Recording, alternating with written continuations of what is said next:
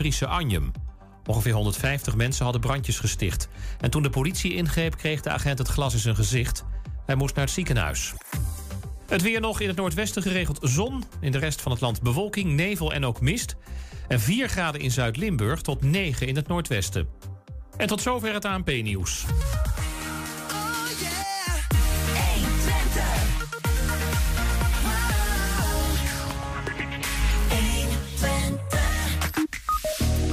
MKW Twente vreest voor een golf aan faillissementen door de lockdown. Ja, de NAM wil binnen drie jaar stoppen met de injectie van afvalwater in de diepe bodem van Noordoost-Twente. Actiegroep Stop Afvalwater Twente reageert. Mark ten Barge die wil terug in de Hengeloze gemeenteraad, maar wel voor een andere partij. Ja, de Hengeloze stichting Hardpool plaatst ter ere van haar 25-jarig jubileum twee kunstwerken bij het stadskantoor in de stad. Het is woensdag 12 januari en dit is 120 vandaag. 120. 120 vandaag. Het Nibud meldde eind vorig jaar al dat uh, honderdduizenden huishoudens in problemen gaan komen met de explosieve stijging van energielasten. Gisteren uit de sociaal voorvechter Jan Veldhuizen hier zijn zorg al over. Hij vreest dat uh, duizenden Enschedeërs terecht gaan komen bij de Stadsbank. Ook de gemeente maakt zich zorgen en richtte met de welzijnsorganisatie Aliva een meldpunt op. Aangeschoven is Django Lortje van uh, Aliva, hij is coördinator van dat meldpunt. Django, welkom. Goedendag, dankjewel. Nog even kort, um, waarom precies dat meldpunt? De gemeente uh, kwam op een gegeven moment met de vraag van... Uh, ja, we willen dat mensen wel ergens hun vragen kwijt kunnen... en aan kunnen geven dat ze problemen hebben. Uh, of verwachten te ervaren. En um, daarom zou iemand bereikbaar moeten zijn. En wij doen al heel veel in, in, in de hoek van bespaarcoaches en dergelijke... rondom energielasten verminderen. Maar ook mensen ondersteunen op het moment dat ze het financieel wat lastiger vinden... Ja. helpen we ze op weg. En dat was heel makkelijk om daar dus een, een soort van meldpunt aan te koppelen. Ja, ja. En, en zijn jullie al gebeld door andere gemeenten in Nederland van wij willen dat ook? Want ik bedoel, ik kan me voorstellen, Enschede is niet, natuurlijk niet uniek als het gaat om energiegebruik of zo. Ja. Nee, inderdaad. Um, ik ben nog niet gebeld door andere, andere gemeenten. Um, ik moet ook heel eerlijk zeggen, ik heb uh, twee weken vakantie gehad in de tussentijd. Dus uh, misschien dat dat nog gebeuren gaat. Um, wat ik veel interessanter vind, is dat mensen inderdaad uh, ons wel bellen.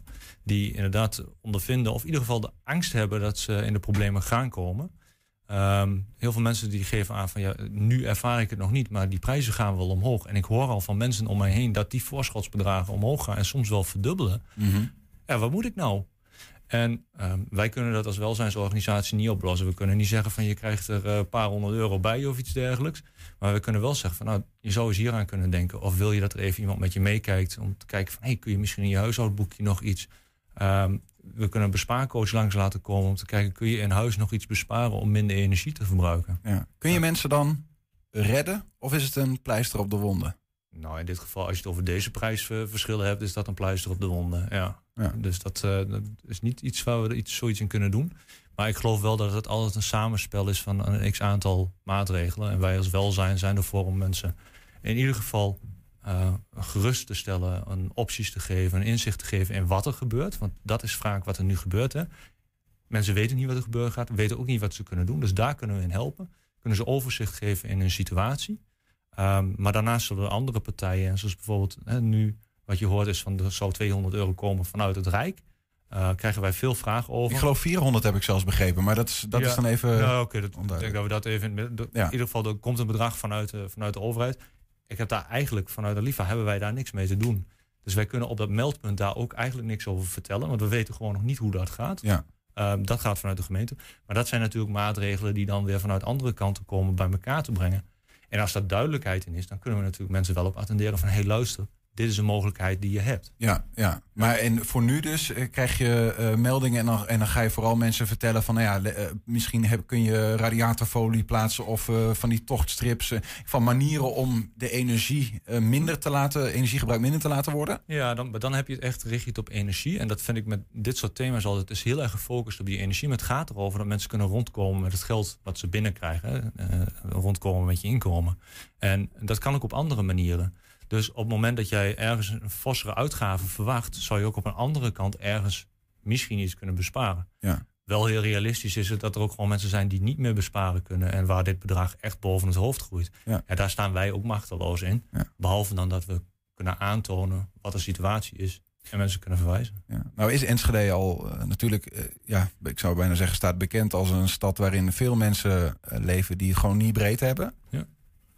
Gisteren zat hier Jan Veldhuizen, dominee, maar ook voorzitter van Diaconaal Platform Enschede. Die, die zegt, ik heb al 30 meldingen gehad van mensen die, nou ja, die staat het water gewoon tot boven hun hoofd. Ja. En hij zegt, ik voorspel dat er nog duizenden Enschede'ers bij de Stadsbank terecht gaan komen door die energieprijzen die thuis stijgen. Denk je dat ook? Um, als er niks gebeurt, dan is dat wel een zekerheid. Ik denk dat dit wel. En, en Jan geeft er altijd wel goede signalen vanaf. Jan die, die polst ook wel van hoe het gaat.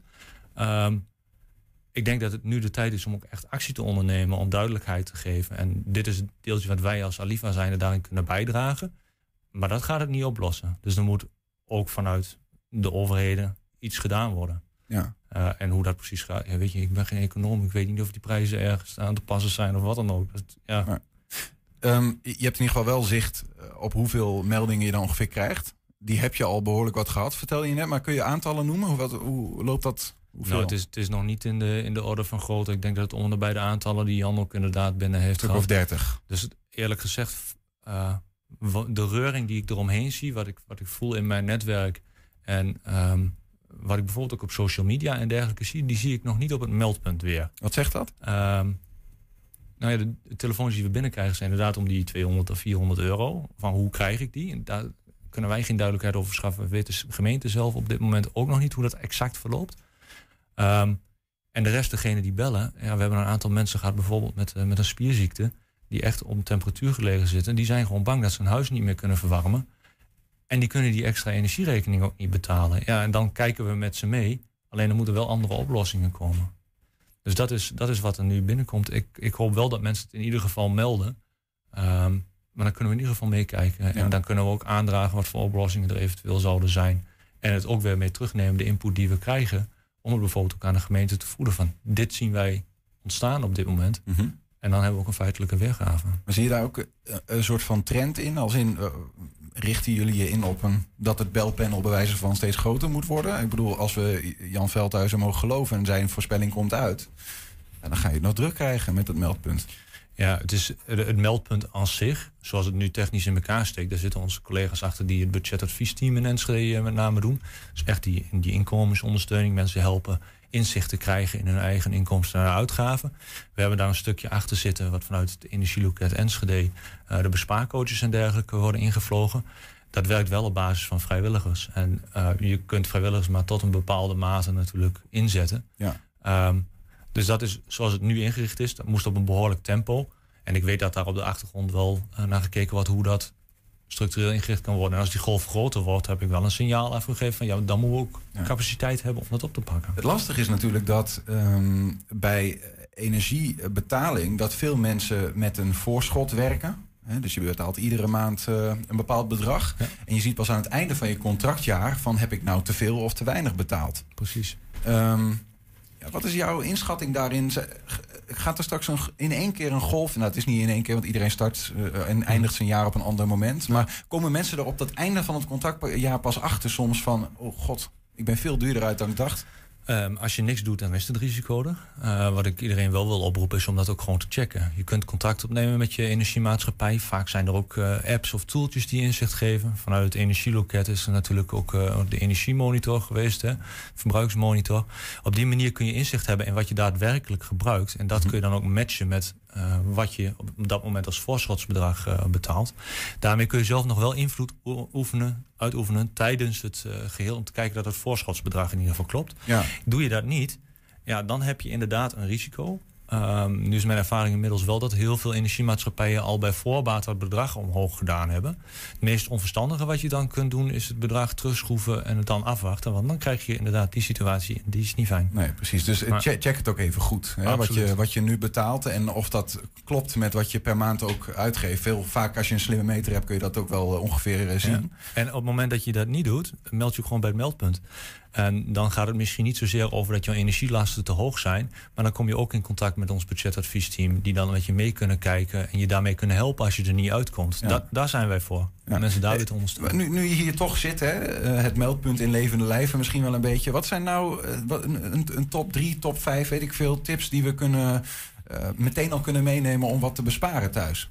Niet alleen energie, maar misschien nog meer, op meer vlakken. Nou ja, een aantal dingen waar wij uh, bij, bij helpen is natuurlijk door middel van onze bespaarcoaches die, die kleine maatregelen die je in huis doet. Hè, tocht het bijvoorbeeld heel erg. Um, je kunt ervoor kiezen om, om de thermostaat iets lager te zetten. Moet je natuurlijk wel toe in staat zijn een dikke trui aan te trekken. Um, dat soort maatregelen. Kijk goed naar wat je inkomen zijn, wat je uitgave is. Vaak helpt het wel even om die op een rij te zetten. En um, ja, ik heb de tik dat ik dat bij mij maandelijks doe. En dan denk ik van, oh, wacht even, hier heb ik weer uh, even een beetje wat te veel gedaan. Dat kan ik eigenlijk ook wel laten. Met een professionele scraper. Ja, ja, met professionele scraper. dat gaat er zo af. Nee, maar goed, weet je, op een gegeven moment kom je zo wel achter dingen van die je niet zo essentieel vindt. Want ik neem aan, voor heel veel mensen, dat die energie die je in huis gebruikt, dat je die wel gebruikt omdat je het nodig hebt. En vooral als je een iets kleinere portemonnee hebt, um, dan zou ik toch kijken of je dan andere dingen kunt besparen. Dus misschien dan niet die loterij. Ja. want ja, die kans is toch iets kleiner. En ja, dat lot, dat verwarmt je huis niet. Ja, ja. Um, dat dat uh, energieloket waar je al even over sprak, hè, dat gaat over dat um, eigenlijk iedere Enschedeer, ieder huishouden aanspraak heeft kunnen maken op wat gratis energiebesparende middelen.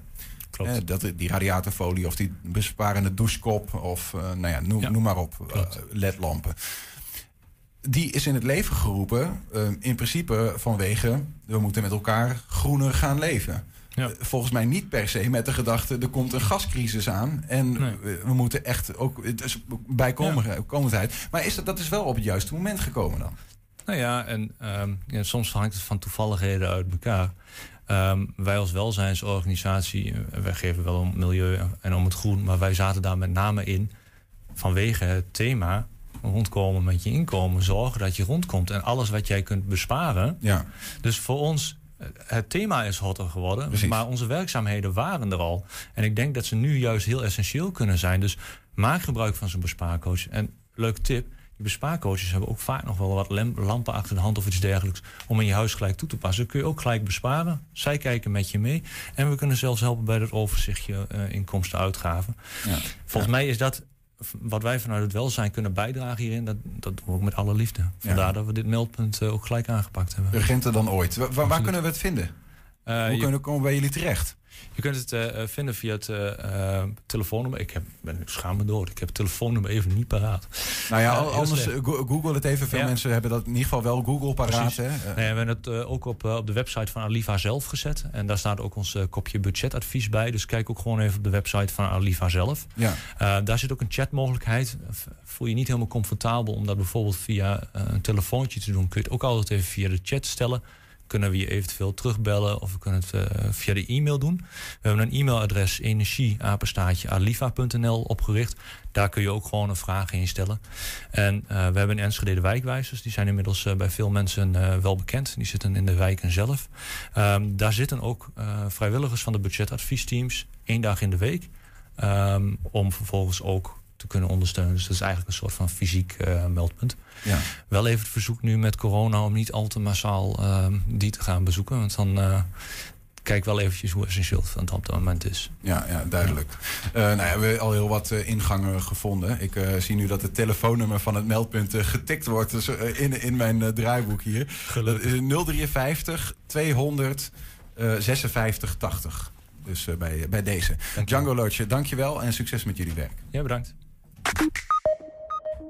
Zometeen actiegroep Stop Afvalwater Twente reageert op het nieuws dat de NAM binnen drie jaar wil stoppen met de injectie van afvalwater in de diepe bodem van Noordoost-Twente. Ja, we zijn ook als podcast te luisteren via alle bekende platforms. Je vindt daar de hele uitzendingen en elke dag één item uitgelicht. 120. 120 vandaag.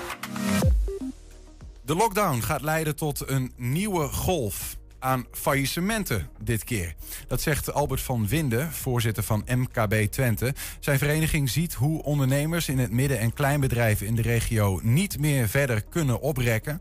Vrijdag is er weer een persconferentie vanuit de regering. En in aanloop daar naartoe voeren de Twentse ondernemers de druk op om te heropenen. Inmiddels vinden ze daarbij ook burgemeesters aan hun zijde. En uh, Albert van Winden, ik noemde net al even, die is uh, aangeschoven bij ons. Welkom Albert. Dankjewel. Um, wat, wat is de situatie van MKB'ers achter hun uh, privé voordeur? Ja, de wereld staat op zijn kop. Eh, een ondernemer onderneemt. Maar als hij niet kan ondernemen, ja, dan zit hij toch een beetje met de handen in het haar. En helemaal omdat hij niet meer begrijpt waarom. We zijn volop met de boosterprikken bezig. Je ziet dat gelukkig de Omicron niet zo uh, dadig wel besmettelijk, maar niet tot hele ernstige ziekenhuisopnames leidt en ook niet tot grote IC-opnames. Mm -hmm. Ik zag net weer de cijfers van vandaag uh, dat er toch weer 60 mensen naar huis zijn gegaan vanuit het ziekenhuis en 10 vanuit ehm, intensive care. Dus dat, dat, is, dat is goed. Um, en ja, als een ondernemer niet kan ondernemen, dan gaat hij zich toch afvragen van, hé, hey, hoe moet het nu verder? Ja, maar is het vooral dat onbegrip? Ja, uh, of is het vooral dat de situatie gewoon geen enkele rek meer toelaat? Nou ja, kijk, iedereen snapte toen het heel heftig was dat, dat er een lockdown moest komen. Maar deze lockdown was echt wel een beetje een verrassing. Uh, waarbij ze net weer bezig waren om een beetje weer op te groeien. Want ze hadden natuurlijk al een aantal maanden, hè, vooral de horeca, uh, dichtgezeten. En dat het weer ineens helemaal dicht ging, ja, dat was wel echt heel erg pijnlijk. Ook omdat andere landen om ons heen, en we zitten hier natuurlijk vlak naast Duitsland, dat die natuurlijk uh, daar ook mede van profiteren. Want daar is alles wel open. Mm -hmm. hè? Dus de mensen uit Twente zie ik regelmatig ook richting Duitsland rijden. Uh, niet alleen om te tanken, maar ook om boodschappen te doen. Ja, maar goed, ooit, ooit, was dat ook andersom. Ik bedoel, ja, dat is ja, een keuze die, de Nederlandse regering dan uh, maakt. En dat is, uh, nou ja... Hè? Ja, dat, dat, dat klopt. Alleen, je kijkt dan toch vaak heel erg naar je eigen situatie. En moet het ook? Is ook de urgentie er nu echt om, om het te moeten? En als de cijfers en die ziekenhuizen omhoog gaan, dan snapt iedereen dat. Maar als de cijfers zo naar beneden gaan, ja, dan denkt iedereen toch wel van ja... Uh, komen die besmettingen nu inderdaad uh, doordat mensen aan het winkelen zijn? De supermarkten zijn wel open. Uh, en dan de schoenenzaken weer niet. dus dat is best wel een beetje vreemd af en toe. Ja, maar goed, dat, heb je natuurlijk die hele pandemie lang gehad. Hè, dat er bepaalde keuzes werden gemaakt. En dan was het, het credo vaak van... ja, god, alle beetjes helpen. Ja. En je moet hier een beetje pakken en daar een beetje laten, bij wijze van. Ja, ja. Um, maar ik merk ook wel, um, nou, bij, bij jullie club... dat, het, dat het gewoon dat het echt, echt op is. Ja, ja, ja. nou ja, kijk... Uh, ik denk ook uh, dat als het dadelijk weer open gaat, mensen keihard moeten werken om de verliezen die ze hebben gemaakt, om die weer goed te maken. En uh, ja, dat, dat, dat is eigenlijk best jammer dat uh, alleen gekeken wordt zeg maar, naar de ziekenhuisopnames en niet naar de economische situatie. Er worden natuurlijk ontzettend veel vergoedingen gegeven. Mm -hmm. en nou, anders had het al helemaal niet meer gekund, denk ik. Maar een ondernemer wil niet alleen maar van subsidies leven, die wil gewoon ondernemen. Ja. Uh, en uh, als dat zeg maar wordt be beperkt en dat ze de urgentie ook niet meer zo zien zitten, want het is al bijna twee jaar hè, dat mm -hmm. het zo is. Ja. Uh, en ja, dat, dat, dat, dat, houden zij niet heel lang vol, denk ik. Nee, nee. Um, over welke bedrijven overigens, want MKB is een grote term, zeg maar. Ja. Uh, uh, gaat het over een. Kun je daar een aantal sectoren noemen waar we het over hebben? Nou, het gaat nu met name over de winkeliers. Uh, ja. En over de horeca en over de restaurants. De, die, die, die het heel lastig hebben. Ja. kijk, en de andere branches. Er zijn natuurlijk ook branches die er. Uh, heel goed mee draaien. Hè. De, de online diensten die het goed voor elkaar hebben, die de digitalisering goed voor elkaar hebben, ja, die draaien als een tierlier. Dus het is ook wel een beetje. Uh, bij de ene gaat het hartstikke goed, bij de andere gaat het hartstikke slecht. Ja, soms verbaas ik me eerlijk gezegd, Albert, dat. Um dat, dat ze het nog zo lang volhouden, ja. weet je wel? Want ik denk van, hoe kan dit nou? nou ja. Maar dat zit vooral in steun vanuit de staat? Ja, ja, nou ja, kijk, er zijn natuurlijk nog steeds ondernemers... die overal buiten elke regeling vallen. Als je net twee jaar geleden bent begonnen... en je hebt geen historie, je kon niet laten zien wat je had omgezet... krijg je niks. Mm -hmm. En daar zijn we met de provincie wel over bezig... om te kijken van, ja, maar wacht eventjes... dit zijn wel ondernemers. En uh, ondernemers, uh, ja, die zijn toch wel de kurk... He, vooral de, het MKB is toch wel de kurk waarop de hele economie ook in Twente draait. Dus uh, als je net als ondernemer bent gestart, of ja. je hebt misschien een verbouw gehad waarbij de omzet iets lager is geweest, dan krijg je ook minder. Dus we hopen dat die groep met name niet helemaal buiten de boord valt, maar dat die ook geholpen gaan worden. En daar zijn we ook met de provincie over bezig om daar een soort fonds voor op te richten. Ja. Toch even om de situatie scherp te krijgen als het doemscenario. Hè? Dat, er, dat er inderdaad een golf van faillissementen komt. Die volgens mij vooralsnog enigszins uitblijft. Wat, wat is het gevolg daar eigenlijk van? Nou, um, iedereen die loopt heel graag, tenminste als ik dat op zaterdag en ook op andere dagen wel zie, uh, door mooie winkelstraten. Winkelstraten waarbij winkels uh, mooie waar aanbieden. En dan kan je lekker wandelen, lekker flaneren over alle winkelstraten in het centrum. Stel dat er zo'n enorme shake-out komt, dat er zoveel uh, bedrijven failliet gaan. En je loopt alleen maar over die winkelstraat met lege winkels. Dat is niet fijn. Dus uh, dat is ook een oproep eigenlijk aan de inwoners. Uh, gemeente Enschede roept al elke keer op, hè, koop lokaal. Uh, laten we dat uh, ook inderdaad blijven doen. Mm -hmm. uh, dus niet alleen maar weer online, want dat is natuurlijk nu wel enorm gepromoot. Hè, doordat we twee jaar nu in die hele pandemie zitten. Maar ga weer echt lokaal kopen als het weer kan. Help de lokale ondernemers, want dat is ook een investering in je eigen welzijn en in je eigen toekomst. Dat je weer op leuke winkelstraten kan lopen en dat je niet om de winkel een winkel dicht ziet of ja. uitverkoop of opheffingsuitverkoop. Want dat zou echt dramatisch zijn. Ja, en toch, stel dat, dat ze wel omvallen. Ja. Um, wat leeft er eigenlijk in dat MKB-land bij die winkeliers, ook misschien ook wel bij die horeca-mensen over hoe, hoe kijken zij naar, um, hoewel ze het ondernemen leuk vinden, naar de toekomst? Hè? De, ik kan me voorstellen dat je op een gegeven moment zegt: ik gooi gewoon de handdoek in de ring. Ik ben er helemaal klaar mee. Ik trek het niet meer. Ja. Um, ja, de, uh, hoe, uh, ik weet niet, misschien denk je daar, misschien lig je er ook wel wakker van. Maar ja. wat gaat er dan gebeuren in ons Nederland? Want dan gaan mensen ook niet meer terugkeren naar het beroep wat ze ooit hebben nou gedaan. Ja, het, uh, het hele imago van de winkel en van het winkel, winkelpersoneel, maar ook van het horecapersoneel, gaat natuurlijk ook een beetje kapot. He, want als je net weer bezig bent en je moet weer dicht en je, bent, en je mag weer beginnen en je ja. moet weer dicht. Ja, dat is niet echt. ik ben wel gek om eraan te beginnen. Ja, dus uh, ik denk dat er ook uh, nu duidelijkheid moet komen. En gelukkig hebben we nu uh, een minister die ook vindt dat, en ook zegt zelf, dat corona nooit meer voorbij gaat. Dat we ermee moeten le leren leven. dat het een soort vergrieping is hè, van de hele maatschappij. Um, en ja, bij een griepgolf ga je ook niet gelijk allerlei winkels sluiten. Dus misschien moeten we er wel mee leren leven. Maar als ik nu zie dat bijna 84% een boosterprik heeft gehad. Uh, uh, en dat het aantal ziekenhuisopnames relatief laag is. Dan denk ik van laten we dan proberen te zorgen voor een continuïteit voor uh, alle sectoren. En niet alleen voor een aantal, bijvoorbeeld de supermarkten, maar ook voor de horeca ja. enzovoorts. En de schade moet eerlijk verdeeld worden. Nou, dat vind ik wel. Ja. ja. En, en het is onlogisch ook van waarom hij wel en ik niet. Uh, ja, dat heeft dan weer te maken met, met primaire levensbehoeften, denk ik. Hè? Ja, Voeding. maar ook uh, bijvoorbeeld de pizzeria die dicht moet. Maar de afhaalpizzeria's, die komen als paddenstoelen uit de grond. Ja. die, die, die leveren ineens enorm op. Nou, en, en, dat is een beetje van. Je krijgt door deze situatie ook een hele vervelende concurrentieslag. Ja, ja. En, en, en, die er niet was geweest als we dit, als we dit niet hadden gehad. Het geluid vanuit uh, ondernemers zelf horen we eigenlijk al twee, twee jaar lang. Hè? Die zwelt misschien wel aan. Um, maar we zien nu ook in de afgelopen tijd dat ook in Twente bestuurders uh, eigenlijk zich achter jullie geluid scharen. Ik weet niet, nog niet of het de burgemeester van alle 14 gemeenten zijn, maar in ieder geval wel een heel aantal. Ja, gelukkig. Um, uh, ik geloof ook dat uh, Theo Bovens, voorzitter van de veiligheidsregio hier, burgemeester van Enschede, dat hij morgen in het veiligheidsberaad ook ja. zich hard gaat maken voor jullie zaken. Nou, ik was ook super blij dat de burgemeesters wat van zich, laten, uh, of van zich liet horen in die open brief. dat ze echt hebben gezegd: jongens, het is nu klaar. het is genoeg. het kan gewoon niet meer. Je kan niet elke keer maar weer sluiten, geld erbij, sluiten, geld erbij. We moeten nu gewoon helder hebben van oké, okay, waar kiezen we nu echt voor? Welke continuïteit kunnen we de ondernemers uh, weer bieden uh, om ook weer een bedrijf, nou ja, zeg maar open te houden en open te laten, ja. waar je gewoon weer zelf je geld verdient en niet afhankelijk bent van de steun. Ja. Want al die steun moeten we toch een keer gaan terugbetalen. Ja, zij noemen ook, uh, wat je eerder ook al zei, uh, die, die nou ja, wat oneerlijke situatie, zoals het dan voelt, van grensplaatsen uh, die hun inwoners naar Duitsland zien vertrekken. Daarin vroeg ik me af, ja, wat, is, wat is dan precies daar de, de pijn? Want we hadden het daar al een beetje over, maar uiteindelijk iemand die in een grensdorp woont, uh, zit dicht. Maar in Utrecht uh, zitten ze ook dicht. Ja, in de grensdorp kunnen ze naar, naar, naar Duitsland toe, in Utrecht niet. Nee. Maar wa, wa, waar zit dan die pijn van die ondernemers daar? Ja, nou ja, kijk, iets wat dichtbij is en wat je kan zien, uh, dat de mensen gewoon zichtbaar eerst bij jou aan het winkelen waren, maar je ziet ze bij wijze van spreken over de grens rijden naar Duitsland, omdat we hier natuurlijk zo dichtbij zitten.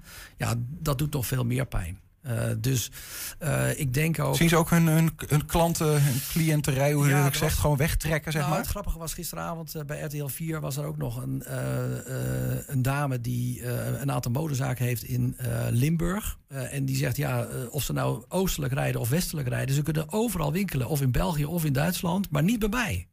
Dus ja, als je een aantal klanten hebt uh, die nog nooit, zeg maar, kleding of wat dan ook in het buitenland hebben gekocht. En, ze, en ze, ze, zien daar ineens die mogelijkheid. En ze doen dat ook. Ja, ben je wel je eigen klanten kwijt. Ja. dus er zal een enorme omslag ook weer moeten zijn om die klanten ook weer die je had terug te krijgen. Wat verwacht je van vrijdag? Dan is weer die persconferentie. Dan gaan we het weer horen, zeg maar, voor de nou komende ja, tijd. Zitten, het kabinet spreekt steeds van een... We komen met een nieuw elan. Nou, uh, hoe mooi zou het zijn om dat elan nou ook eens echt concreet te maken. Dat ze zeggen van, ja, dit, dit was genoeg zo. We zijn lang genoeg dicht geweest. We gaan nu weer perspectief bieden aan die ondernemers die we... Uh, die een aantal weken uh, hun winkel of hun zaak niet open konden hebben. Dus uh, het, het, gaat trouwens niet alleen om winkels, maar ook om sportscholen, zwembaden enzovoort. Hè. Dus ja. het is zo breed nu dichtgelegd dat we echt ook wel, en ook denk ik als uh, inwoners zelf, wel weer toe zijn om gewoon naar die winkel te gaan waar we ook willen. En ook naar die sportvereniging te gaan naar, die we willen. Maar ook de ontspanning van het café, maar ook de sport. en wat als de lockdown verlengd wordt?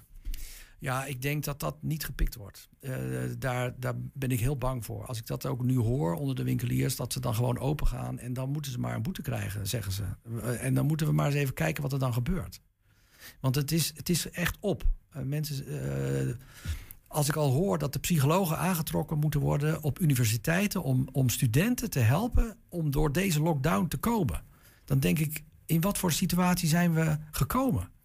Kunnen ja. we dit nog langer houden? Want nogmaals, je kan wel heel lang elastiek uittrekken, maar op een gegeven moment knapt het. En volgens mij zijn we nu op het punt aangekomen dat het echt knapt. Openen is de enige oplossing nog. Er zijn geen alternatieven meer. Nee.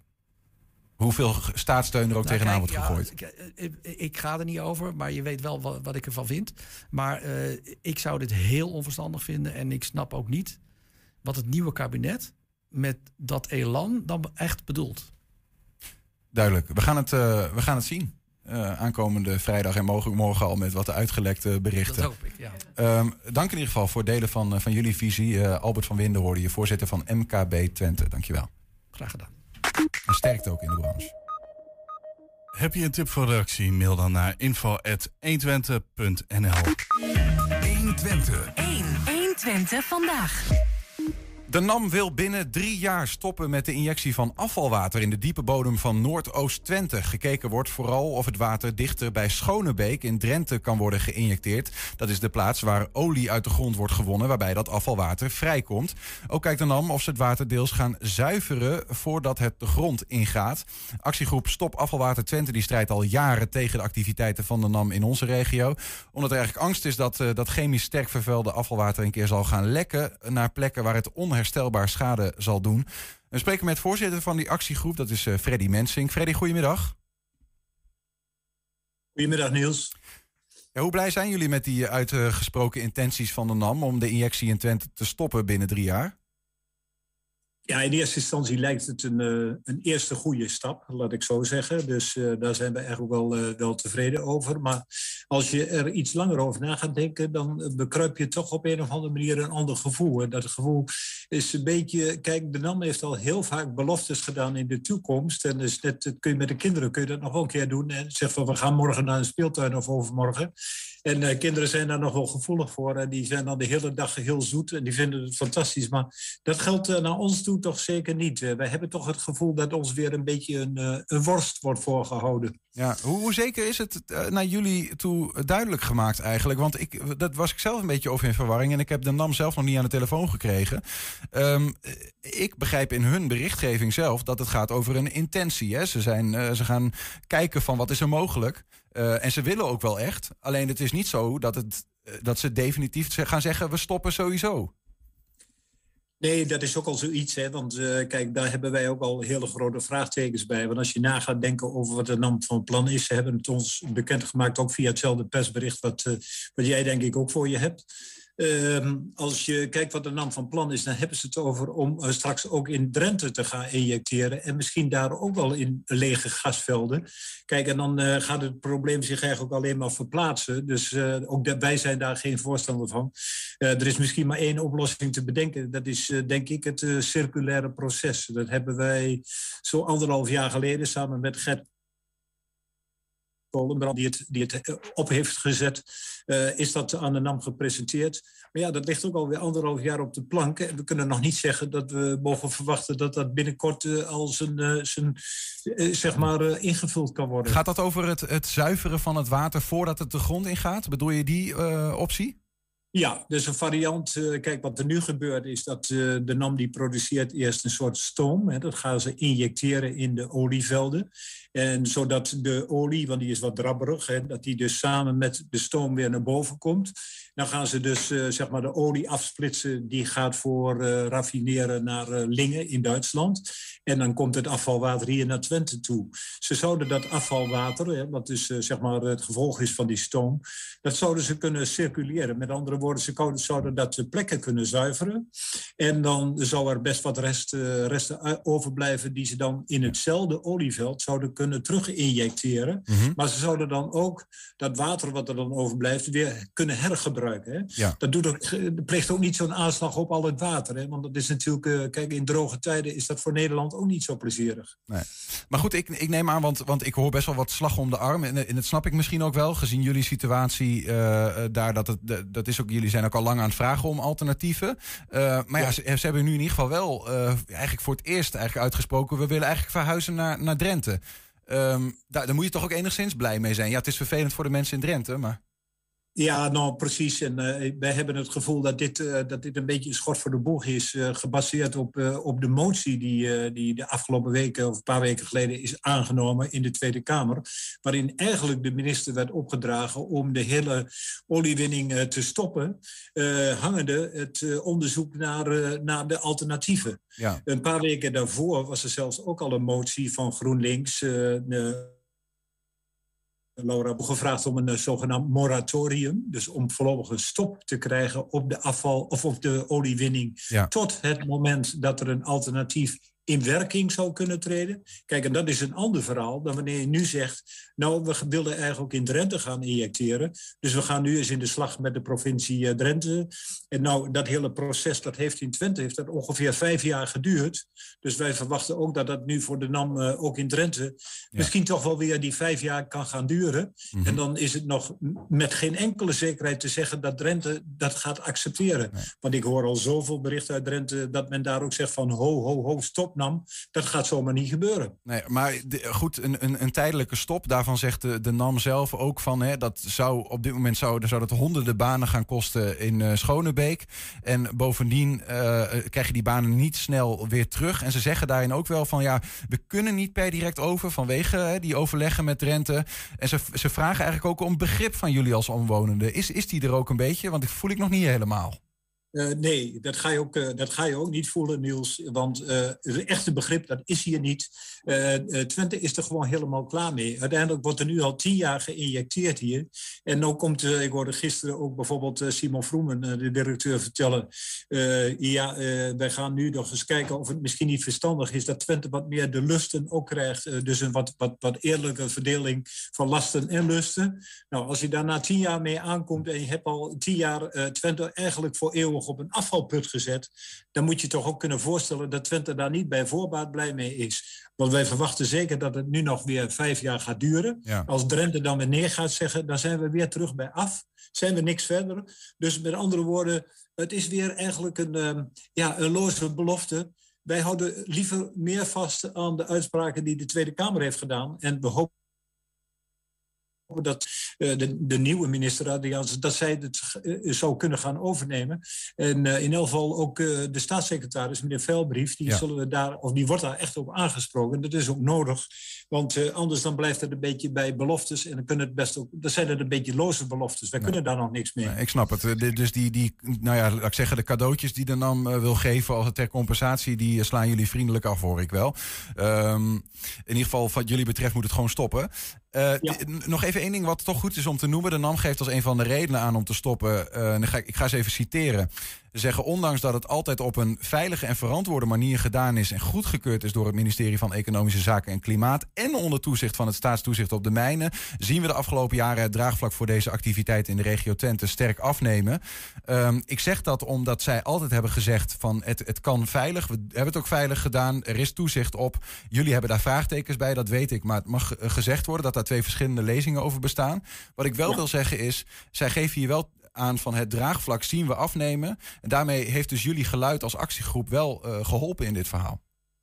Dat heeft zeker geholpen. En dan moet ik ook zeggen, ik ben al mijn, medestrijders, uh, want uiteindelijk uh, doen we het samen. En als Stichting Stop Afvalwater Twente heel erg dankbaar dat wij ons zo hebben kunnen inzetten. En dat zijn technische mensen, dat zijn mensen van de pen, dat zijn mensen achter de, computer enzovoort enzovoort. Op elk gebied. En als er een actie nodig was, waren ze ook altijd bereid. De NAM die zegt wel dat het allemaal veilig is en veilig kan. Nou, het is, het is zes jaar geleden al begonnen met die breuk in de, in de, in de transportleiding. Na die tijd hebben we zoveel lekkage, of nee, niet lekkage, zeg verkeerd, zoveel roest gezien in, de, in het leidingstelsel, dat de NAM gewoon eigenlijk bovengronds op de injectielocaties bijna alles heeft moeten vervangen. Ze zijn nog bezig. De laatste, sinds juli 2019 is de NAM bijvoorbeeld al bezig gaan de testen vervangen. Er is een leiding gescheurd, dus een injectiebuis gescheurd, de, de, de buitenbuis, waarvan de NAM zegt, ja, maar het heeft dus nog geen water gelekt. Dat is maar goed ook, want anders hadden we natuurlijk al nu al een groot probleem gehad. Maar alle, alle, zeg maar, alle calamiteiten die er tot dusver geweest zijn, die kunnen, daar kan de NAM niet langer gaan zeggen van nou, het kan allemaal veilig en het is allemaal veilig. Natuurlijk, ze hebben die vergunning, maar ze hebben zelf eigenlijk nu al maatregelen genomen omdat ze door een te hoog tolueengehalte eigenlijk uh, de uh, injecties al stilgelegd hebben en ook de oliewinning er stilgelegd hebben. Ja. Het, het betekent dus eigenlijk, en dat, dat was ook al in 2000 2014, hoor, dat is eigenlijk nu helemaal geen nieuws. Maar uh, toen hebben ze blijkbaar nog niet zo die druk gevoeld van dat ze de injecties en de oliewinning al stil moesten leggen, omdat de politiek er nog niet zo bovenop zat. Nee. Maar juist mede met behulp van een hele goede BN'er in onze omgeving, Herman Vinkers, die fantastisch werk voor ons heeft gedaan, ook in de richting van Den Haag, hebben we het echt op de kaart en op de agenda gekregen. En is die motie dus aangenomen, bijna kamerbreed, alleen de VVD en nog een paar kleine partijtjes tegengestemd. Maar het komt er eigenlijk op neer dat zoals het nu is, is het eigenlijk uh, zoals het hoort te zijn. Ja. Twente mag niet voor eeuwig op die afvalpunt. We, we nee. kennen je allemaal nog. Ik weet niet of je er ooit wel eens van gehoord nou, hebt. We, we, moeten, we moeten gaan afronden, Freddy. Maar ik, ik, ik, ik, ja. ik, ik, geloof uh, dat je het over de teerpunten gaat, gaat hebben. Uh, ja, dit maar, hebt er niet wassen. Ja, ja nee, we, we, we, we, we snappen de dreiging die jullie voelen. Um, ja. Waarvoor jullie zo voor lange tijd gestreden hebben. Nou, er is nu een intentie uitgesproken door de NAM. Laten we het blijven volgen um, om te kijken nou, wat er uiteindelijk gaat uh, gebeuren. Groot gaan daar in Noordoost-Twente, Freddy. Uh, dankjewel. En uiteindelijk denken wij voort met Emperador. Dankjewel Niels en succes met je uitzending. Freddy Wensik hoorde je van Stop Afvalwater Twente. Ja, straks richting Hardpool of Stichting Hardpool plaatst te ere van haar 25-jarig jubileum twee kunstwerken bij het stadskantoor in Hengelo. 120. 120 vandaag. Op de kandidatenlijst van GroenLinks Hengelo voor de komende verkiezingen staat één opvallende naam. Dat is Mark ten Barge. De Hengeloer zat tot anderhalf jaar geleden in de gemeenteraad voor D66, maar voelde zich niet meer senang bij de Sociaal-Liberalen. Hij staat nu op plek 6 van GroenLinks in Hengelo. Mark, welkom. Dankjewel. D66 en uh, GroenLinks, dat, dat, dat, zijn partijen met de nodige overeenkomsten. Sommige kiezers die kunnen soms niet altijd uh, kiezen. Jij hebt je definitieve keuze gemaakt? Ja, wat is definitief, hè? maar ik, ik heb wel heel bewust de overstap gemaakt, ja. En het is wel zo dat ik al bij, bij uh, D66 al behoorlijk aan de linkerkant zat. Dus de overstap is voor mij niet zo heel groot geweest. En de mensen die mij kennen, ja, die hebben ook wel mij gefeliciteerd natuurlijk, maar ook wel zo. Oh, nou, nou ja, hè, verbaasd, verbaasd niet. Nee, precies. Nee, nee. nee. Maar leg het um, de politieke leken een beetje uit, als je wil. Van wat voor een partij is D66 nou? Waarom voelde je je toe aangetrokken? En, en wat maakt nou die overstap naar GroenLinks voor jou zo logisch? Ja, nou, voor mij is D66 was, uh, toen ik begon, het is echt sociaal-liberaal. Dus aan de ene kant... Uh, sociale thema's zijn belangrijk, maar ook de liberale thema's. En dan zit je meer aan de VVD-kant. Als het gaat om bijvoorbeeld marktwerking? Ja, precies dat. En, um, nou, dus, en daar moet een balans in zijn. En dat spreekt mij heel erg aan. nog steeds eigenlijk wel. Alleen wat je ziet is dat ehm, met, ja, ik moet kijken om je heen en zie wat er gebeurt met corona en, en, en de marktwerking in de zorg. Maar überhaupt het kapitalisme, eh, het neoliberalisme wat nu speelt. Het gaat gewoon niet goed. Ehm, je ziet dat de, de in- inkomensongelijkheid en de vermogensongelijkheid neemt toe.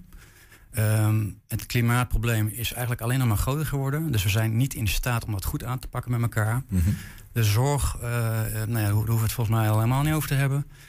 Dus al die marktwerking, ehm, dat, het blijkt gewoon niet te werken. En Zit D66 dan voor jou te veel aan die liberale kant van het verhaal? op dit vlak wel, ja. Er moet meer overheidssturing komen op eh, verschillende vlakken. Ja, vind ik wel. Ehm, en daarbij vind ik ook dat wij, ehm, eh, ja, we zijn te ver losgeraakt met ons allen van, eh, van de natuur en onze omgeving. En, ehm, Van de natuur, zei je dat? Ja, zeker. En je, je ziet ook dat daardoor eh, problemen als de, de hele coronacrisis zijn ontstaan. Hè? Dus dan eh die zoono's, hoe gaan we om met dieren, hoe gaan we om met onze leefomgeving. En dat eh, heeft mij wel ertoe ja, geleid dat, dat ik dacht van het moet anders. En Ja. het, het kan niet meer met poldercompromissen. Want ik vind D66 ook echt wel een, een, een compromissenpartij. Er is helemaal niks mis mee.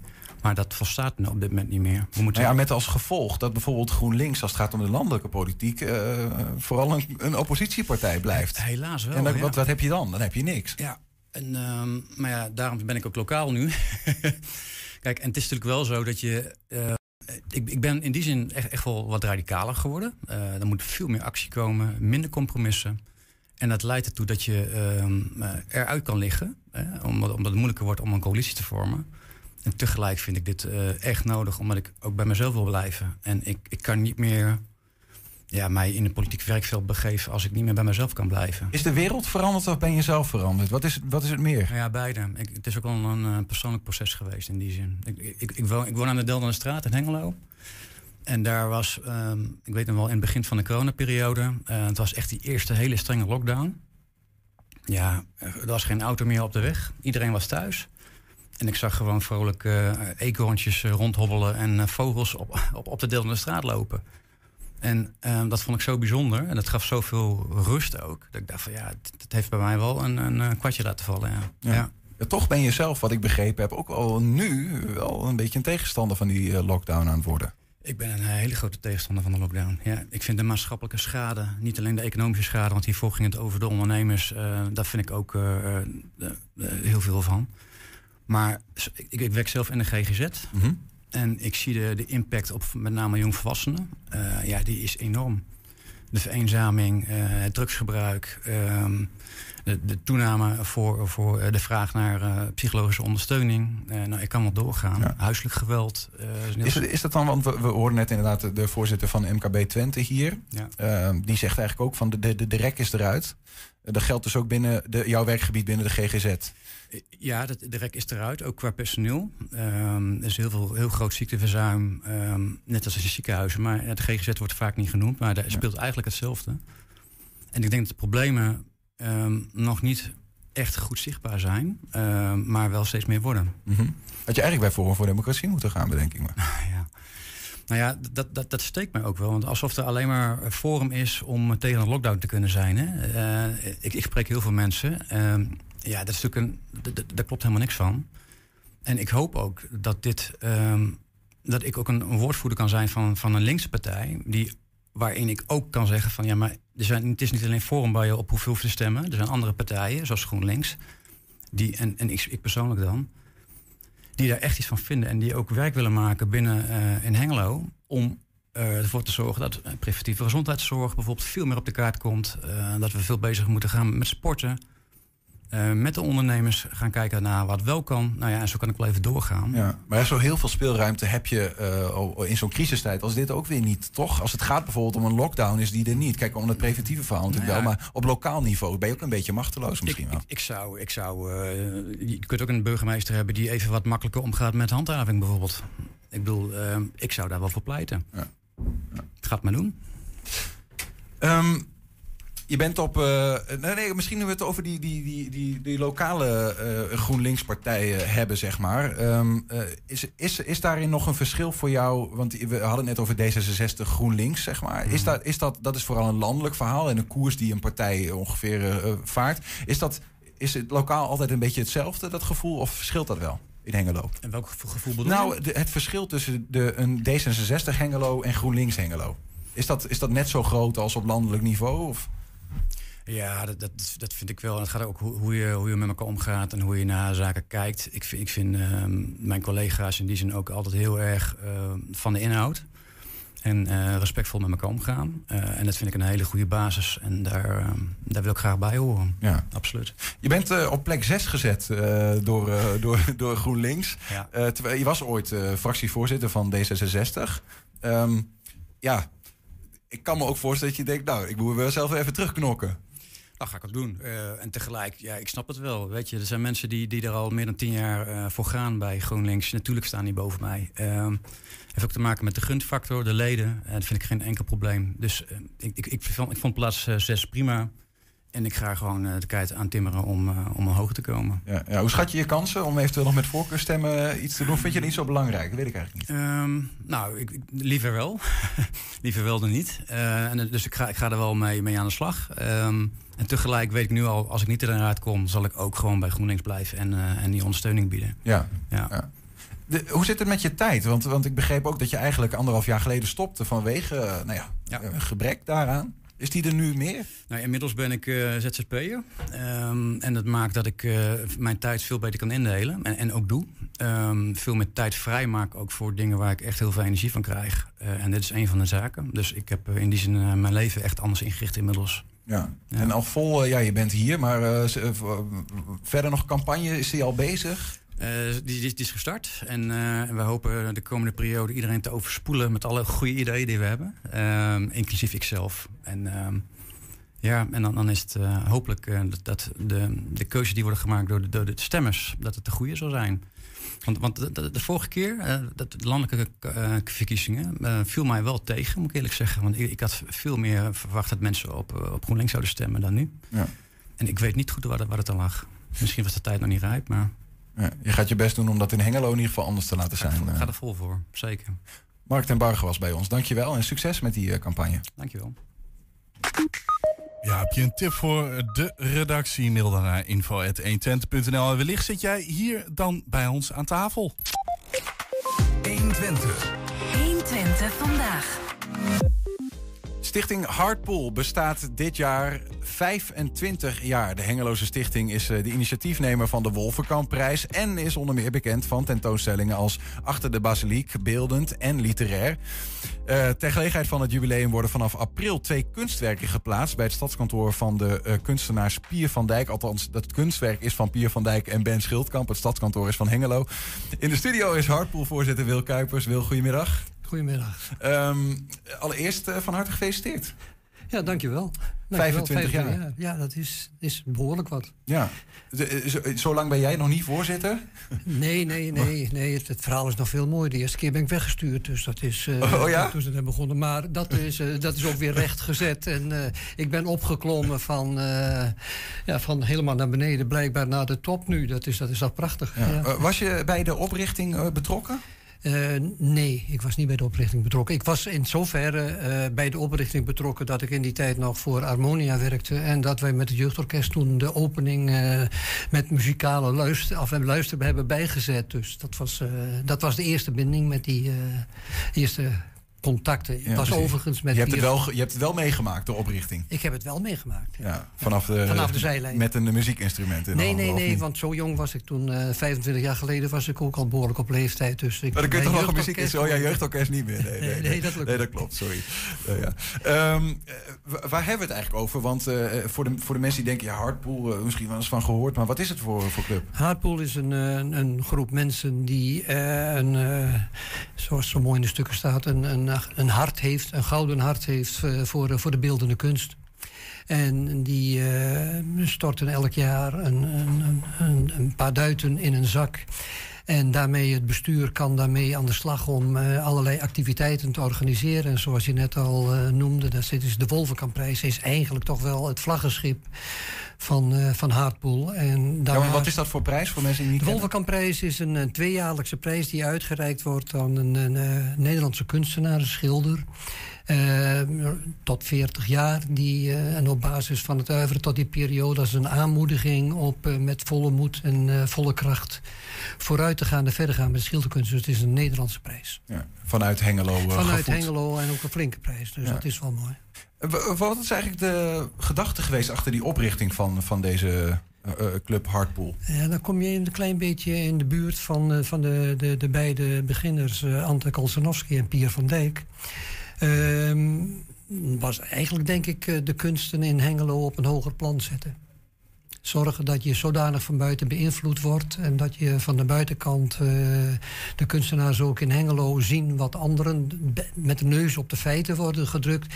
Tentoonstellingen bezoeken ze allemaal wel, ze gaan ook overal toe, maar dat dan ook een keer naar Hengelo te halen. Ja, en ja. dus tegelijkertijd Hengelo op de kaart zetten. Ja, als de, als de, de, de, de rest het niet doet, dan moeten wij het maar zelf doen en dan drukken we de kunst in het gezicht van de mensen. Dat Ja, was een beetje de gedachte dan. Dat, uh, ja, zo kun je het ook uitleggen. Ja. Ja, ja. Um, daar gaan er in ieder geval heel letterlijk nu, naar aanleiding van het jubileum, uh, gaat op dat vlak ook weer wat gebeuren. Want er Ja. komen twee jubileumwerken.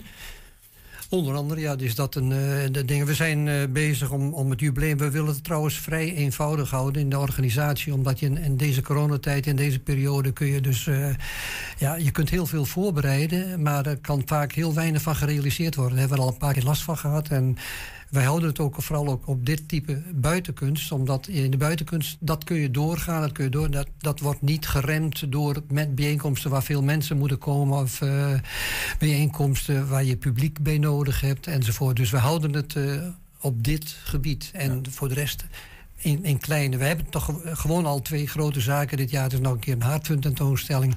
En de Wolvenkamprijs dit jaar. Mhm. Mm -hmm. we, waar we nu ja, druk mee aan bezig zijn om, om toch te hervormen na 25 jaar... om te proberen daar een nieuw elan aan te geven weer. Het moet na zoveel tijd weer. Ja, we hebben twee uh, uh, van die... Om, om nog even bij die kunstwerken te blijven... Ja. Hebben we, we hebben wat foto's van die kunstwerken. Um, die kun je daar eventueel zien. Ja, uh, ik weet ken ze uit goed, mijn hoofd, denk. Ja, heel goed. waar, waar, waar, kijken we naar? Wat zijn dit voor werken? We zitten, op dit moment zitten we naar het, uh, het donkere werk. Dat wordt overigens niet zo zwart, maar dit is het, uh, de maquette van hout... die door Ben Schildkamp gemaakt is. Dit is de maquette die dan ook in de buurt van het stadhuis komt... en waar hij voor gekozen heeft is... Uh, de fragmenten van gebouwen die in die directe omgeving hebben staan. Daar heeft een klooster gestaan, daar heeft een synagoge gestaan.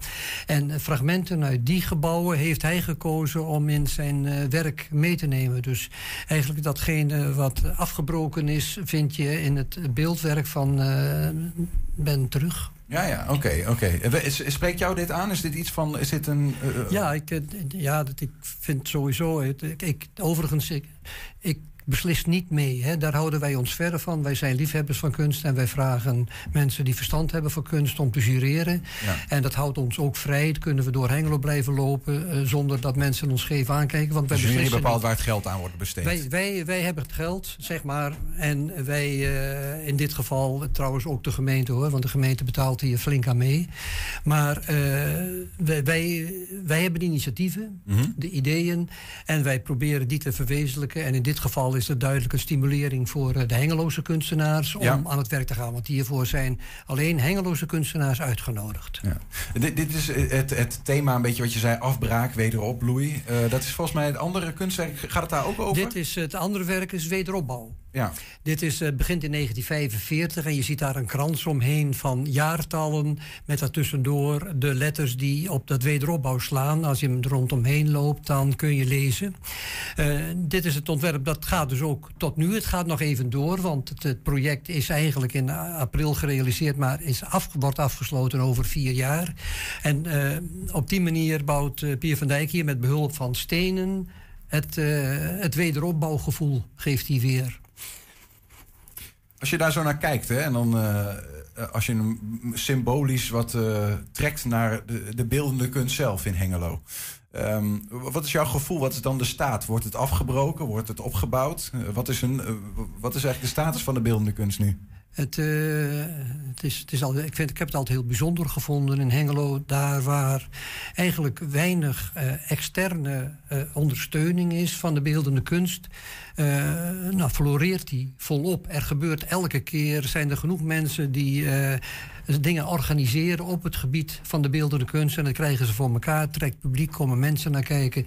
Dus dat gaat eigenlijk best wel heel goed. En ik moet ook zeggen dat ik nu ook het gevoel krijg dat ook de, de, de bestuurlijke kant van Hengelo daarin meegaat. Dat, dat die toch ook wel zegt van... ja, er zijn zoveel mensen die zulke geweldige dingen hier doen. Dat die het belang gaan voelen het van... belang gaan voelen van wat er gaat gebeuren. Dat, ja. uh, dat vind ik een... Uh, ja, is eigenlijk, ik ben pas in uh, vorig jaar januari begonnen en ik heb die, dat, dat gevoel echt uh, langzamerhand begint dat echt te groeien. Dat je, dat, dat je kunt werken en dat je werk ook uh, beloond wordt, letterlijk. Kun, kun, je proberen uit te leggen wat dan het, wat, wat jou betreft, wat Harpoel betreft, maar misschien wat jou betreft, het belang is van, van beeldende kunst?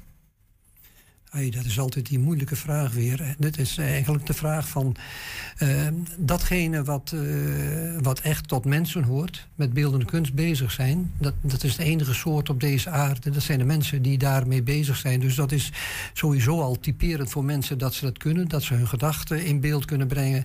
Dat ze dat naar anderen over kunnen brengen. En voor wat de kunsten zelf betreft, over het algemeen ook een ruime, ruime blik hebben op waar het over gaat. En daar dan ook uh, voluit uh, op ingaan om dan ook hun beeld daarvan te laten zien. Ja. Van ja, zo denk ik erover, zo vind ik het.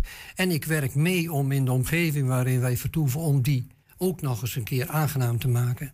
En dat gebeurt op verschillende manieren. Nou ja, goed, maar het is natuurlijk, dat is altijd die beetje die eeuwige discussie. Hè, van, uh, van ja, jullie zijn een club mensen met hardpool die er zoveel hard voor hebben dat je zegt, nee, ik betaal zelf wel mee als ik ja. uh, beeldende kunst in Hengelo kan laten zien als je het aan de marktwerking zou overlaten, lijkt het soms alsof het uh, gewoon uh, ja, een beetje afglijdt. Ik heb net al even uh, de heer Ten Barge gehoord en ik heb hem gehoord over marktwerking. En ja, het, het failliet van de marktwerking die is de laatste jaren wel duidelijk aangetoond. Dus dat, dat werkt, dat werkt niet. Maar nee. snappen mensen in het algemeen dan zelf niet dat, wat ze missen als ze niet in kunst investeren? Nou, dat zou behoorlijk uh, zijn om dat te vinden. Dat, uh, dat vind ik niet. Dat is net zo goed als, als dat je met muziek zit of met beeldende kunst zit. Uh, de een vindt een, prachtig geschilderd dood vogeltje fantastisch... en de ander vindt een expressionistisch schilderij fantastisch. Dus die werelden verschillen nogal van, van wat je... en waarom zou je ook allemaal dezelfde keus moeten hebben? Nee, dat hoeft niet. Nee.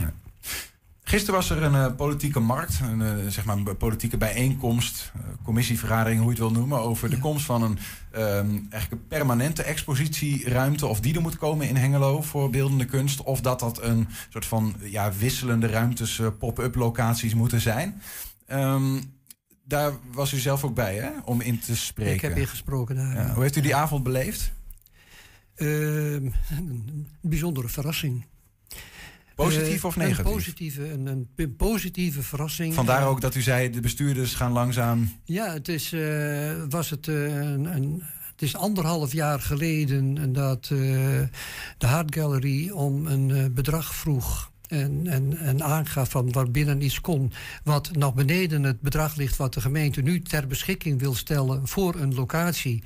Nou, dat, ik vind dat uh, voortschrijdend inzicht binnen anderhalf jaar bij politieke partijen is behoorlijk snel. En het gaat om uh, 80.000 euro, geloof ik, of niet? Of het, ja, het gaat om, om 75.000 euro, plus dan nog een keer bovenop een, uh, een, een, een professionele begeleiding ja. voor 0,5 of 0,4 FTE. Want dat hebben wij altijd gezegd.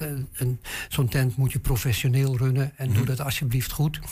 Uh, en, en daar lijkt, ja, het is, ik heb wel eens vaker dode mussen meegemaakt, maar uh, daar lijkt nu toch uh, verandering in te zijn gekomen. Dat je partijen echt hoort spreken over van, ja, dat als een verschil van 16.000 euro bepalend is of je pop-ups. Dus dat gesjouw van de ene naar de andere. En maar proberen ruimtes binnen te krijgen enzovoort. En dan weer inrichten, weer uithalen, verzekeringen regelen. En wat er allemaal bij komt kijken. Uh, als je dat wil doen. Of je kunt een uh, vaste plek krijgen. Ja, ja al, al, is het alleen maar het aantal tentoonstellingen wat je kunt doen. Als je vaste plek krijgt, ben je in een week heb je een tentoonstelling ingericht. Ja. Dus jouw gevoel is dat daar de uitkomst gaat zijn. Daar is nog, moet nog een klap op worden gegeven natuurlijk op een bepaald moment. Maar dat, ja. ze, dat er voor een vaste plek in Hengelo wordt gegaan waar eh, kunst wordt geëxploseerd. Ik neem aan dat over 14 dagen eh, bij de Raad eh, de, de beslissing valt over wat er gebeurt. Wordt het over de verkiezingen heen getild of wordt er nu de keuze gemaakt voor Ja. een vaste plek? En als er een vaste plek komt, zal dat betekenen dat in die tijd voordat die vaste plek er is, Mhm. dat je dan natuurlijk wel om je heen kunt gaan kijken van. Zijn er nog andere mogelijkheden op dit moment om tentoon te stellen? Maar dan heb je in ieder geval een visie Ja. voor een langere Ja. termijn. En je bent En er zelf ook voor- voorstander van, voel, ik wel, die vaste plek of niet? eh, nou, ik, ik, ik kan me bijna niet voorstellen hoe een gemeente als Hengelo... hoe mensen een paar maanden geleden nog konden kiezen voor een pop-up plek... eh, in een stad van 86.000 inwoners voor de beeldende kunst. Nee, dat vond ik een aanfluiting. Stel dat hij er komt, dan zoeken ze nog wel een. eh, als dat het plan is, althans, zoeken ze nog een soort van exploitant voor, voor zo'n kunsthal. Zou eh, Hartpool daar iets in willen betekenen? Nee, dat kunnen wij niet meer aan. Wij hebben het drie jaar hebben wij de Hart Gallery. Of heeft dan een poot, de, de dochteronderneming van Hartpool Hart Gallery, heeft die tent gerund. Dat is eigenlijk vier jaar heeft het in totaal geduurd. Eh, Dat is een topprestatie geweest. Maar die waren ook na drie jaar, vier jaar wel tot de slotsom van... dit is geen vrijwilligerswerk meer. Dit, is, eh, dit is gewoon werk. Dus dat is, eh, nee, dat, dat is niet te doen. En ja, er, is, er zijn organisaties, bijvoorbeeld het, eh, het Enschedeze Concordia... eh, die, die, die zie ik in staat bijvoorbeeld om eh, zo'n organisatie eh, onder handen te, nemen. ja. Ja. dus, tot slot nog heel even terug naar het jubileum. Het is het 25-jarig bestaan van Hartpool. Ehm, de- die twee kunstwerken zagen we al. Nog heel even op een rij van gaan we nog meer? Nee, je gaat niet, niet veel. De andere, kijk, dit, dit kost al genoeg. En, en het geld is een keer op. Dus wij, eh, wij verwachten dat wij de, de beide tentoonstellingen kunnen realiseren. Dat hopen we ook. En we hopen ook dat we de Wolvenkamprijs in een, eh, in een nieuw jasje ook eh, dan kunnen, kunnen presenteren. Eh, ja, verder eh, is, er nu nog wel, maar dat is heel, heel toevallig zo gelopen. eh, zit er nog een, waarschijnlijk dit jaar ook nog wel een heel mooi educatief project aan te komen. En dan willen we dus echt die link leggen tussen kunst en tussen jeugd. Want op, in het onderwijs gebeurt er niet zo ontzettend veel meer ten aanzien van kunst en jeugd. dus dan wordt de, de volgende stip aan de horizon gezet. Ja, nou kijk, we hebben drie hoofdtaken, vinden wij altijd. En tussendoor we ontzettend mooie projecten. Zoals de VND er eentje was bijvoorbeeld. Dus ja, dus, eh, ja. Succes met alles wat er gaat komen. En eh, nou ja, veel plezier eh, van dit jubileumjaar. oké, dankjewel. Wil Kuipers, Ja. voorzitter van Stichting Hartpool was dat. Dankjewel. Ja, en tot zover 120 vandaag. Terugkijken kan direct op 120.nl en vanavond om 8 en 10 uur op televisie te zien. Zometeen kun je hier gaan genieten van Henk Ketting met een nieuwe kettingreactie. Veel plezier en tot morgen. 120 Weet wat er speelt in Twente. Met nu het nieuws van 4 uur. Goedemiddag, ik ben Robert-Jan Knook. De Britse prins Andrew moet zich toch verantwoorden in de zaak die is aangespannen door een vrouw die als meisje door hem verkracht zou zijn. Andrews advocaten wilden de zaak tegenhouden omdat ze al een deal sloot met Jeffrey Epstein.